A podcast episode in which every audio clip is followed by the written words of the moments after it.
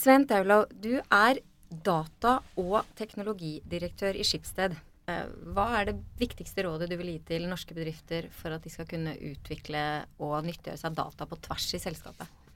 Mitt råd til bedrifter er at man ikke starter med å fokusere på plattform, men begynner å fokusere på use case. Altså hva er det du ønsker å oppnå overfor dine kunder, basert på data. Og så drive de casene gjennom i virksomheten din, og derav vil du finne ut av hva du trenger for å kunne drive databasert virksomhet. Så det er en kombinasjon av et pedagogisk eh, prosjekt og et læringsprosjekt, da? Ja, og så er det for å unngå den klassiske plattformfella at man investerer enormt i store systemer som skal samle data, og så håper man at det vil skje masse magisk oppå det, og så skjer ikke noe. Tor Olav Mørseth, som er administrerende direktør i Digital Norway. Hvilket råd ville du gi til myndighetene for at de ikke skal liksom slippe dataene ut av Norge? Ja, Nå skjer det heldigvis ganske mye også på myndighetssiden, eh, og det er veldig gledelig. Eh, de har jo eh, erkjent også at her trengs det en mye mer enhetlig kontroll over data. Derfor får vi et nytt digitaliseringsdirektorat. Det er kjempebra. Og de, jeg tror, tror det, det, som er avgjørende der nå, det er å få opp en god infrastruktur for å kunne sørge for at de som trenger tilgang på dataene, faktisk får tilgang på den dataen på en enkel måte.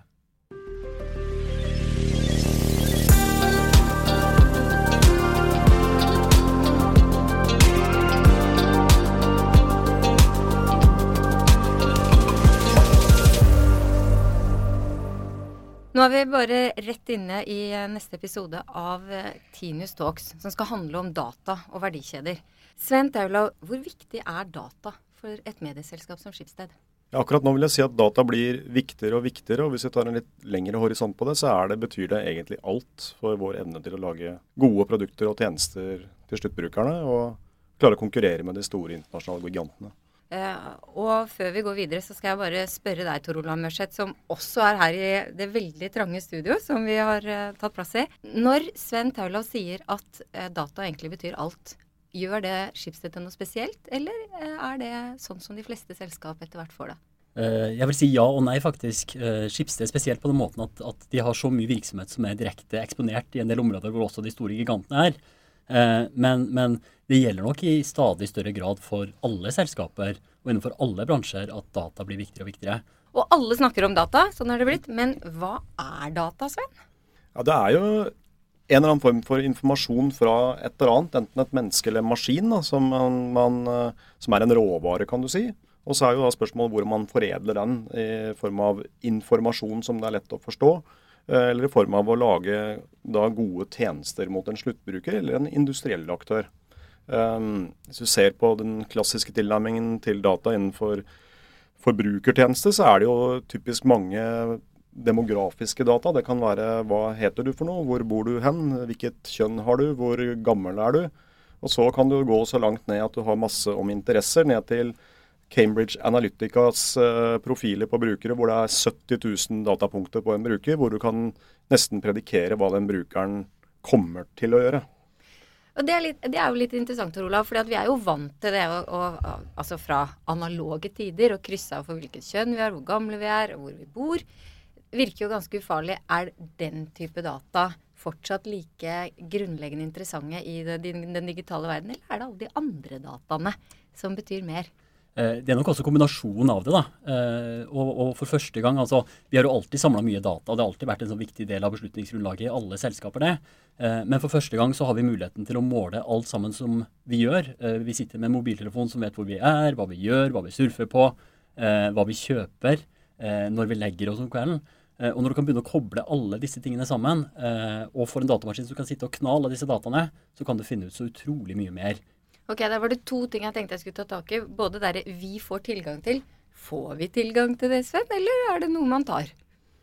Ja, da, må vi ta to forskjellige til, tilnærminger til det. Det ene er det som er den klassiske personsensitive data, dataen. Og der er det jo heldigvis kommet veldig mye sterkere forordninger i forhold til hvordan man kan håndtere data, og hvem som eier dataene, og at brukerne faktisk er nødt til å gi såkalt konsent til hva, hva, hva disse dataene kan brukes til.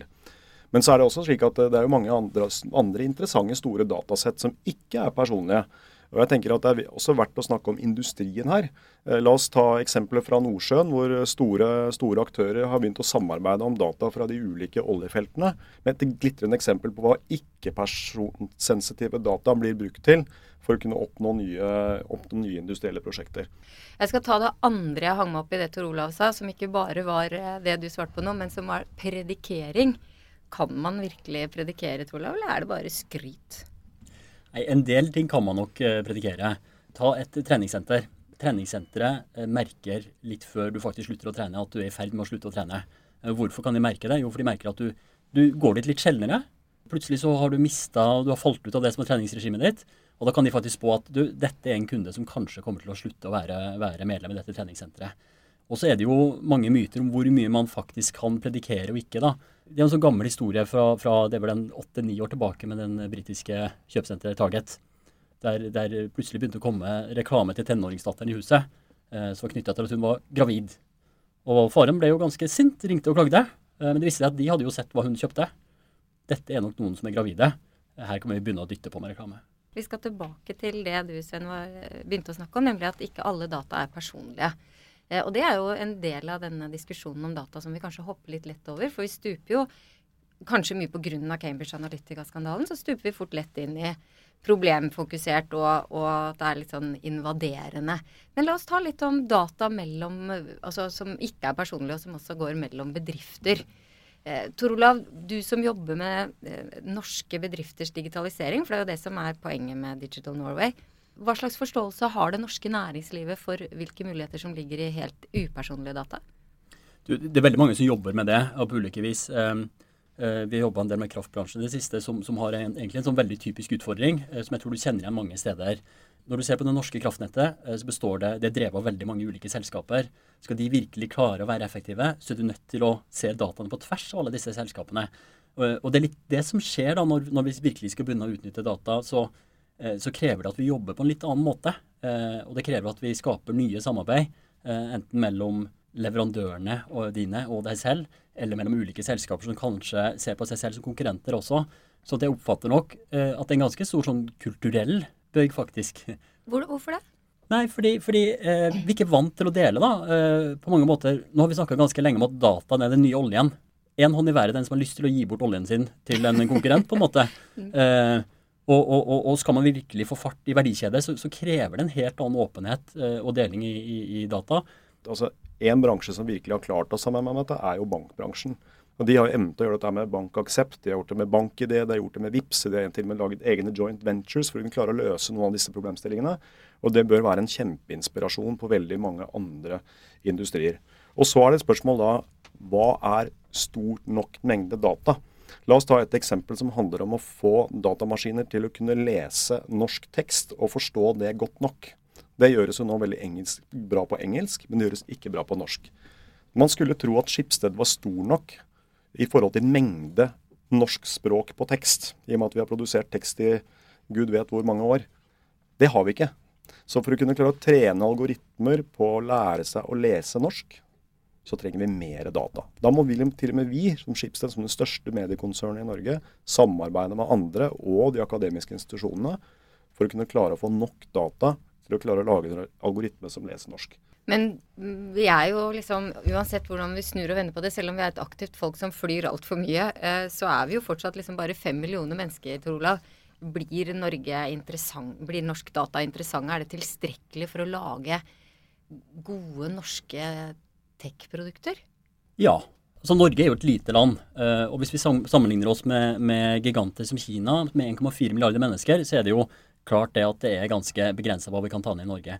Samtidig så er det også et spørsmål om kvalitet på data. Eh, og der har jo Norge en del eh, fortrinn. Og så eh, Sven nevnte banknæringa som er et strålende eksempel på hvordan kan man da samarbeide? For det, det er i hvert fall jeg helt sikker på i et så lite land som Norge. Hvis vi sitter på hver vår tue og skal forsøke å løse problemstillingen hver for oss, så kommer vi ikke til å lykkes det jeg syns er eh, interessant å, å, å, reflektere over, er jo i hvilken grad eh, Hvis data betyr alt, hvordan organiserer man da et selskap i tråd med den nye erkjennelsen, Sven? I et konsern da, som består av mange selskaper, så er det slik at data er en råvare som vi er nødt til å kunne jobbe sammen om. Dvs. Si at vi kan klare å, med brukernes tillatelse, å samle data eh, for å sette dem sammen og kunne lage bedre brukeropplevelser eller bedre produkter for brukerne. Det er liksom grunnmuren i en databasert virksomhet. Det andre er jo at man må begynne å jobbe databasert, og få en organisasjon til å tenke databasert. Dvs. Si at man ikke på den gamle måten når man f.eks. lagde produkter sa at jeg tror at dette produktet her er kjempebra, la oss bruke 10 millioner kroner på å lage det produktet. Det var sånn vi jobbet før om, før om årene. Mens nå jobber mye mer databasert og være hypotesedrevne og teste ulike tjenester og features før man konkluderer at dette her skal vi virkelig skalere opp. Så er det noe også med hvordan man måler i en virksomhet den tradisjonelle måten å måle virksomhet på, det er jo hvert kvartal får noen innsikt i hvordan det går med noen tall, og så hører man ikke noe særlig mer, og så går det et kvartal til, og så får man noen nye tall. Det er jo ikke måten man driver en moderne virksomhet på. Man jobber veldig databasert og kan egentlig gå inn og se på metrikker hver eneste dag. Men det er en veldig lang kulturell reise å få det til, spesielt i etablerte selskaper. Ja, for det er jo litt spennende, Tor Olav. Altså, du, sa, du, nevnte i stad at det var en slags kulturell barriere for å gå løs på liksom, datavirksomheten av, av verdiskapningen. Ser du, ser du, at man etter hvert eh, erkjenner at det er den som er sjefen over data, som egentlig er sjefen i selskapet? Jeg er litt usikker på den som er sjefen over data, er sjefen i selskapet. Og litt usikker på om vedkommende bør være sjefen eh, over selskapet. Men vedkommende bør i hvert fall være den som har ansvar for å sørge for at selskapet til enhver tid har de dataene de trenger for å ta de riktige beslutningene Og være med å drive frem den kulturen. fordi, eh, som Sven var inne på, altså, jeg tror jo også at det, den kulturelle biten her er noe som er veldig krevende. Og, ikke bare for de store selskapene, men for en del av de små også. Fordi det er så mye enklere å være basert på du, jeg mener dette. Det er en kjempeutfordring for ledere. For du, du er ikke lenger den som har svarene. Du er den som stiller spørsmålene. Og det er en, det er en ganske sånn stort mentalt skift. da. Ja, du var jo litt inne på det, Sven. Det, det, det skiftet har ikke helt skjedd. Nei, det har ikke helt skjedd. og også Samtidig så tror jeg vi også må være veldig tydelige på en av de mest fundamentale problemstillingene med det å være en datadreven organisasjon, hvor du i realiteten skal jobbe med data i hele organisasjonen. Og det er etikk. Retningslinjer for hvem har tilgang til data, for hvilke kunder, på hvilket tidspunkt, for hvilket formål, og hva har brukeren i utgangspunktet sagt ja til. Hva bruker du de dataene til? Eh, og stille deg etiske spørsmål. For du kan ikke lage normative regler for alle mulige case. Men du må rett og slett tenke, i hvert fall jeg tenker sånn, hadde jeg vært OK med at noen andre hadde gjort dette med mine data uten at jeg visste om det? Og hvis svaret på det er nei, da skal du ikke gjøre det. Jeg tror etikk kommer til å bli et helt sentralt spørsmål. og, og Dessverre så er jo de fleste av oss er jo ikke så veldig opptatt av det i dag. Eh, så lenge noen lager et godt produkt til oss, så er vi ganske bevisstløse når det gjelder hvilke data vi sender eh, fra oss. Men jeg tror jo på at, at, det kommer til å bli mer bevissthet rundt det. Og på et eller annet tidspunkt så kommer vi til å stille spørsmål. Hvis, vi har et, eh, hvis alle bussene i Oslo er selvkjørende, hvis det er barna våre som blir frakta til skolen i en buss, ønsker vi ikke å ha litt kontroll med, med hva det som ligger bak det? Hvordan vet vi at det er et selskap som gjør dette på en ordentlig og trygg måte for oss? Og Der kommer du inn litt på eh, fordelen med noen norske selskaper også. Jeg kan finne telefonnummeret til styrelederen i Skipsted på nettet. Og så kan jeg faktisk ringe han og så kan jeg si du, hallo, hva er dette for noe? Og det kan du ikke gjøre med noen av de utenlandske selskapene, enten i USA eller Kina. altså.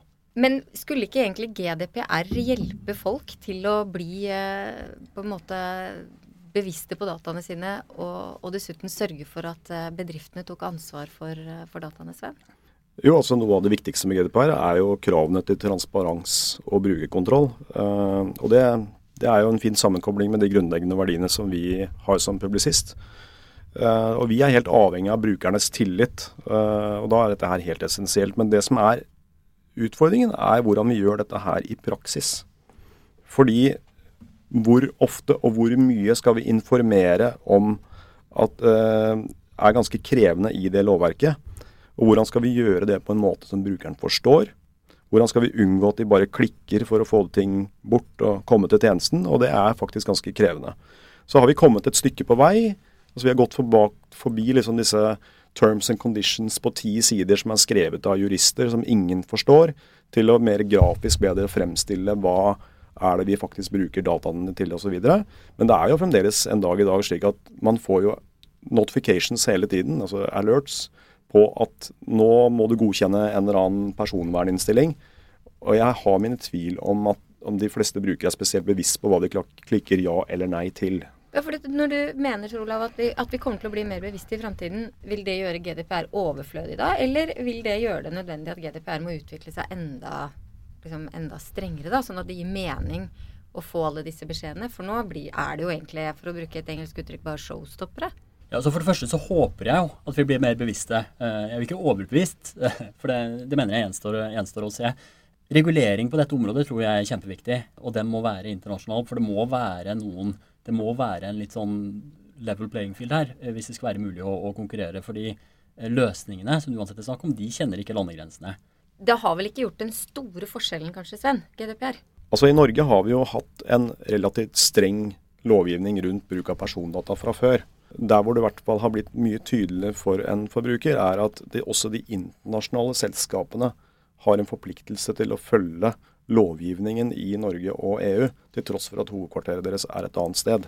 Og så vil jeg nok si at For et forbrukerperspektiv så vil noe av brukeropplevelsen ha blitt verre, eh, fordi de hele tiden må få seg alerts om ting som de må akseptere til enhver tid. Men det er nødvendig for å imøtekomme lovgivningen. For Det ironiske i denne datahistorien Torolav er jo at eh, jo mer data disse selskapene får tilgang til, jo raskere får vi en produktutvikling. ikke sant? Og og, og data og produktutvikling er jo en transaksjon. Ja, og det, det er en kjempeutfordring. Eh, og, og, og, særlig i et land som Norge, der vi setter verdi på det å ha demokratisk kontroll over de viktige samfunnsfunksjonene. da. Enten man snakker om eh, mobilitet eller helsevesen, så har vi sagt at det bør være områder som er underlagt demokratisk kontroll. Så får man på et eller annet tidspunkt et dilemma. da. Eh, den dagen Apple eller noen andre selskaper sitter med mer kontroll om helsedataene til nordmenn gjennom at vi putter på oss alle slags mulige duppeditter, Kanskje kan de lage bedre tjenester. Eh, men da har man flytta et helt område som er helt vesentlig for velferden i Norge, utenfor vår kontroll. da. Tilbake til det, altså, altså De etiske spørsmålene må være styrende også når vi diskuterer data. Og når vi diskuterer kunstig intelligens, som henger veldig tett sammen med data. Jeg skulle egentlig gjerne, jeg er veldig opptatt av etikk og data øh, og tech og etikk. Men vi skal litt innom samarbeid igjen. fordi øh, det har vært innom, ikke sant, så har dere rost øh, bankbransjen. Og så har dere begge bakgrunn i mediebransjen. Og da er jo mitt spørsmål hvorfor klarer jo ikke mediebransjen å samarbeide når de egentlig velger stort sett alltid de samme løsningene? En brannfakkel der. En brannfakkel. Altså, jeg har jo bare vært i mediebransjen i seks måneder, så jeg har jo et privilegium av å kunne se det litt sånn utenfra og inn. Og jeg tror det ligger historikk her i måten man har konkurrert på gjennom veldig mange år, som gjør at det er mer krevende. Og jeg tror det er en mindre industrialisert bransje enn det bankbransjen er. Tor Olav, du har jo bl.a. bakgrunn som sjefredaktør i Adresseavisa, og, og, vet jo at mediebransjen har jo samarbeida i hundrevis av år omtrent. ikke sant? Man har lagd NTB sammen, man har trykka de samme sakene, man har levert ut avisa med de samme budene. Og så kommer vi til et område f.eks. som loggen, da. Så klarer man ikke å samarbeide. Hvorfor det? Det er et veldig godt spørsmål. Eh, for det, jeg mener det er et helt åpenbart område hvor det burde vært et mye tettere samarbeid. Eh, det blir jo litt sånn hypoteser, hypoteser men det er jo ikke alt her i verden som er rasjonelt. Uh, og det er ganske mye som styres også. Det kan være personlige meninger, det kan være prestisje, det kan være forskjellige ting. For meg så fremstår det litt som en litt sånn lost opportunity, altså. Uh, for å se hvor mye enklere det hadde vært på login-siden. hva man kunne gjøre med produktutvikling også, og få satt fart på det, hvis man kunne ha tettere samarbeid i, i, i mediebransjen. Jeg tenker at de fortjener litt sånn push på det også. Ja, jeg pusher gjerne sammen med deg, og nå kan vi da pushe på Sven, siden han er den som er inne i mediebransjen. Eh, hva skal til for å få til samarbeid, tror du? Jeg tror vi først må definere hvilket problem er vi prøver å løse. Og jeg tror Hadde vi gått tilbake i tid, så tror jeg kanskje det rasjonalet hadde vært tydeligere enn det er akkurat nå. Det er jo slik at den, den vanlige borgeren i Norge har jo sikkert 10-20-30-40 forskjellige brukernavn og passord, og hvis innholdet er interessant nok, så kommer man inn. Så jeg tror ikke på en måte brukerproblemet er spesielt stort. Så det er verken push eller pull, egentlig? Nei, jeg tror ikke brukerne egentlig spør om det. Eh, jeg tror at eh, hvis det er noe, så er det kanskje mer i en slags konsolidering i mediebransjen at det kan, at det kan skje. Jeg, som, som, bruker da, så ønsker jeg meg gjerne litt mer funksjonalitet på norske nettaviser. Skulle gjerne ønske også at jeg fikk på flere mediehus fikk litt flere alternativer enn å logge ut når jeg logger meg inn. F.eks. i en meny. Nå setter jeg det litt på spissen her, da, men, men men jeg tror det er et potensial for å sette mer fart da, på funksjonalitetsutvikling eh, på tvers av norske mediehus. Det tilsier kanskje også en større eh, konsolidering. Men hvem er, det, hvem er, det, i verden i dag som er, sånn som dere ser det, best på å fange data? Hvem er litt sånn state of the data art? Jeg ville vippa det litt over til hvem er det som lager best brukeropplevelse basert på data? Personlig så mener jeg at de, de to tjenestene som den, på forbrukersiden som er helt åpenbare, er jo Netflix og Spotify. Jeg vil si Spotify er enda råere på mange måter, fordi de er nesten sånn at du tror at det sitter et menneske bak der og lager og kurerer lister til deg. Det skjer mye spennende i, i en del kinesiske selskaper for tiden. Eh, og, og, noen av de gigantene der som Tencent f.eks., som, som har utrolig fart på å utvikle ulike tjenester. Jeg syns det er kjempe, kjempefascinerende å se, se en uh, tjeneste som uh, Weixin, som er en sånn mikro-message-tjeneste uh, som bare har vokst til å inneholde hele livet ditt. Der ligger de ganske langt foran oss, altså. Men du, Før vi liksom runder av her, eh, så er det et, et, filosofisk spørsmål som jeg lurer på hva dere ville svart på. Fordi det er jo litt sånn, det er jo spørsmål nå om hvem eier dataene våre? Hvem eier dataene våre, Sven? Ja, det er du som gjør. Det er det, ikke sant? Det er det. Men hvilke konsekvenser har det når da skattedirektøren foreslo, for det hørte jeg han sa på, på Arendalsuka, at man skal skattlegge data? Det skattedirektøren kom med, synes jeg er ganske sånn interessant perspektiv på ikke minst på hvordan kan vi utnytte og sørge for at alle de offentlige dataene vi har, skaper verdi for nasjonen Norge. Eh, og til syvende og sist bringer verdi tilbake til oss. da. I Sverige f.eks. Eh, så har de åpna et nytt eh, senter for kunstig intelligens, hvor det er mulig å donere dataene til det senteret. Og da må du faktisk være der og jobbe der. For de er jo mest interessert i at det skulle føre til utvikling, kunnskapsutvikling i Sverige. Eh, og det er også en måte å sikre at de dataene ikke blir sendt ut. Eh, man kan se for seg ulike modeller for å skattelegge data, tror jeg. Eh, komplisert, ja. Men på en eller annen måte så må vi finne løsninger for å sikre at det bringer verdi tilbake til oss. Og I minste fall så må det i hvert fall være verdi tilbake til innbyggerne i Norge som borgere. Eh, I beste fall bør det også falle tilbake til næringslivet i Norge, slik at man sikrer at man klarer å skape verdi på de dataene også nasjonalt, og ikke bare sender dem til internasjonale giganter. Jeg er helt enig. og så har jeg en liten, liten, bekymring også som jeg har lyst til å trekke inn. for Vi snakker veldig mye om internasjonale giganter og de store norske konsernene. Norge er jo et SMB-land. Det er utrolig mange små, altså små og mellomstore bedrifter. Ja. ja. Små og mellomstore mm. bedrifter. Hvordan skal de nyttiggjøre seg av dette? da? For de sitter jo ikke på store eh, teknologiavdelinger. De har gjerne ikke en, en datadirektør eh, som kan håndtere disse spørsmålene heller. Eh, så det må jo lages utrolig enkle løsninger. og Der, der mener jeg de offentlige har en kjempeoppgave foran seg for å bidra nettopp, som Sven sier, og, og sørge for at disse dataene kan føre til næringsutvikling i Norge. Jeg tror vi, altså, vi kunne fortsatt å snakke om data i flere timer. og vi kommer til å komme tilbake til data. Og jeg kommer helt sikkert til å invitere dere tilbake igjen her. Men nå skal jeg foreløpig si takk til Sven Taulo, som er data- og teknologidirektør i Skipsted og Tor Olav Mørseth, som er administrerende direktør i Digital Norway. Og jeg heter Kjersti Løken Stavrum og er daglig leder i stiftelsen Tinius.